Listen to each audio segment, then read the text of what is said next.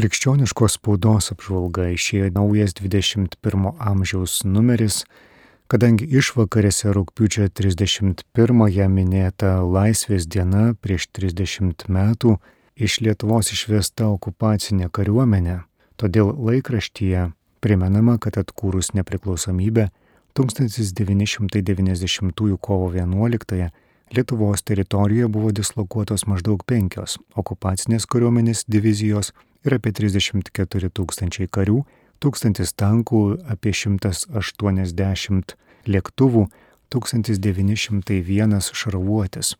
Netrukus po nepriklausomybės paskelbimo prasidėjo dėrybų procesas trukęs ne vienerius metus ir atnešęs Lietuvai visišką laisvę nuo okupantų. Okupacinės kariuomenės išvedimas, Lietuvos sėkmės istorija, ilgų relinančių dėrybų rezultatas, taikiai be prievartos ir be pasipriešinimo iš Lietuvos išvežta gausybė galingos technikos, į kitą valstybę perkelta dešimtys tūkstančių karių. Galime didžiuoti savo atkaklumu. Okupacinė kariuomenė iš Lietuvos buvo išvesta vieneriais metais anksčiau nei iš Vokietijos, Latvijos ir Estijos, sakė krašto apsaugos ministras Arvidas Anušauskas.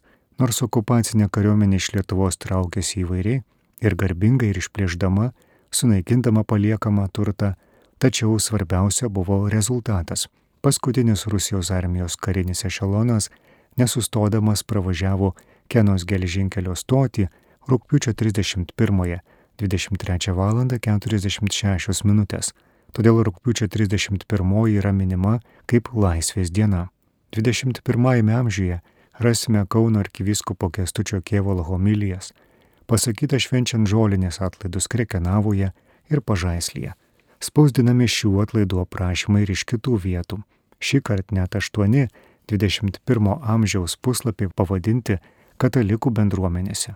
Ne tik žolinė, Švento Roko ir Švento Baltramėjaus atlaidai, bet ir kiti įvairūs renginiai aprašyti iš beveik visų Lietuvos viskupijų. Tos vietos yra Pivašiūnai, Jurbarkas, Panevežiukas, Onuškis, Rokiškis, Panemunėlis, Panemunis, Vajasiškis, Jokubavas, Pagėgiai, Vėviržienai, Vėžaičiai, Žarienai, Aleksnienai, Jūrė, Kaimelis, Pilviškiai, Šunskai, Žalioji, Kačergiškė, Naujasis Daugeliškis, Palūšė, Trakai.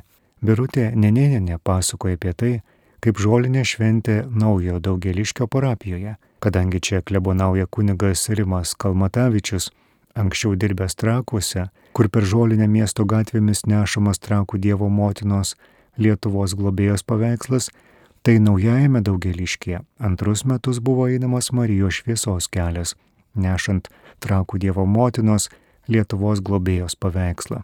Kelyje įrengta 14 stočių altorėlių, kur padėtas paveikslas, papuošta melsta Dievo motinos užtarimo miestelio gyventojams bei svečiams, apmastyti įvykiai, kurie ją nuvedė į dangų. Kunigas Rimas Kalmatavičius džiaugiasi, kad įsitraukė ne tik užkalbintos šeimos, bet ir kaimynai, kartu bendrai ruošia altorėlį. Gražu, kai šeima ar kaimynai priemė Marijos paveikslą, kartu pasimeldė. Labai džiugu, kad atsirado būdas prakalbinti ir tuos, kurie dėl jiems aiškių priežasčių nelanko šventųjų mišių.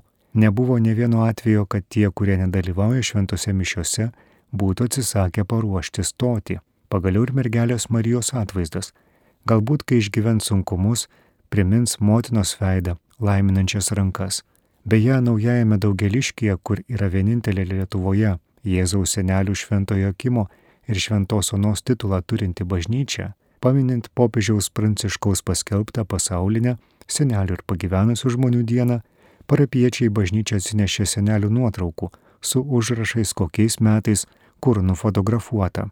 Naujo daugeliškio klebonas kuningas Rimas Kalmatavičius pasiūlė šią dieną sudėti senolių nuotraukas prie altoriaus akcentavo, jog pagyvenusiai žmonės primena, kad senatvė yra malonė, kad seneliai yra dovana ir žiedas, sujungiantis kartas, perduodantis jaunimui gyvenimo patirtį. Kai šeimos rinkosi, kokią nuotrauką neš prie altoriaus, procesijoje tarsi iš naujo atgimė senelių meilė, prisiminimai, sentimentai.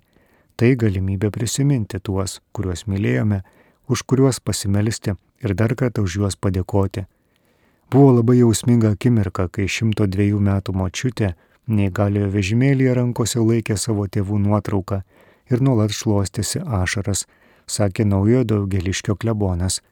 O štai viežaičių klebonas kunigas Viktoras Daujotis kvietė į krikštukų šventę. Joje dalyvavusiems bilietų buvo vaikučio krikštynų nuotrauka. Šventorijoje surinkta krikšto nuotraukų parodėlė.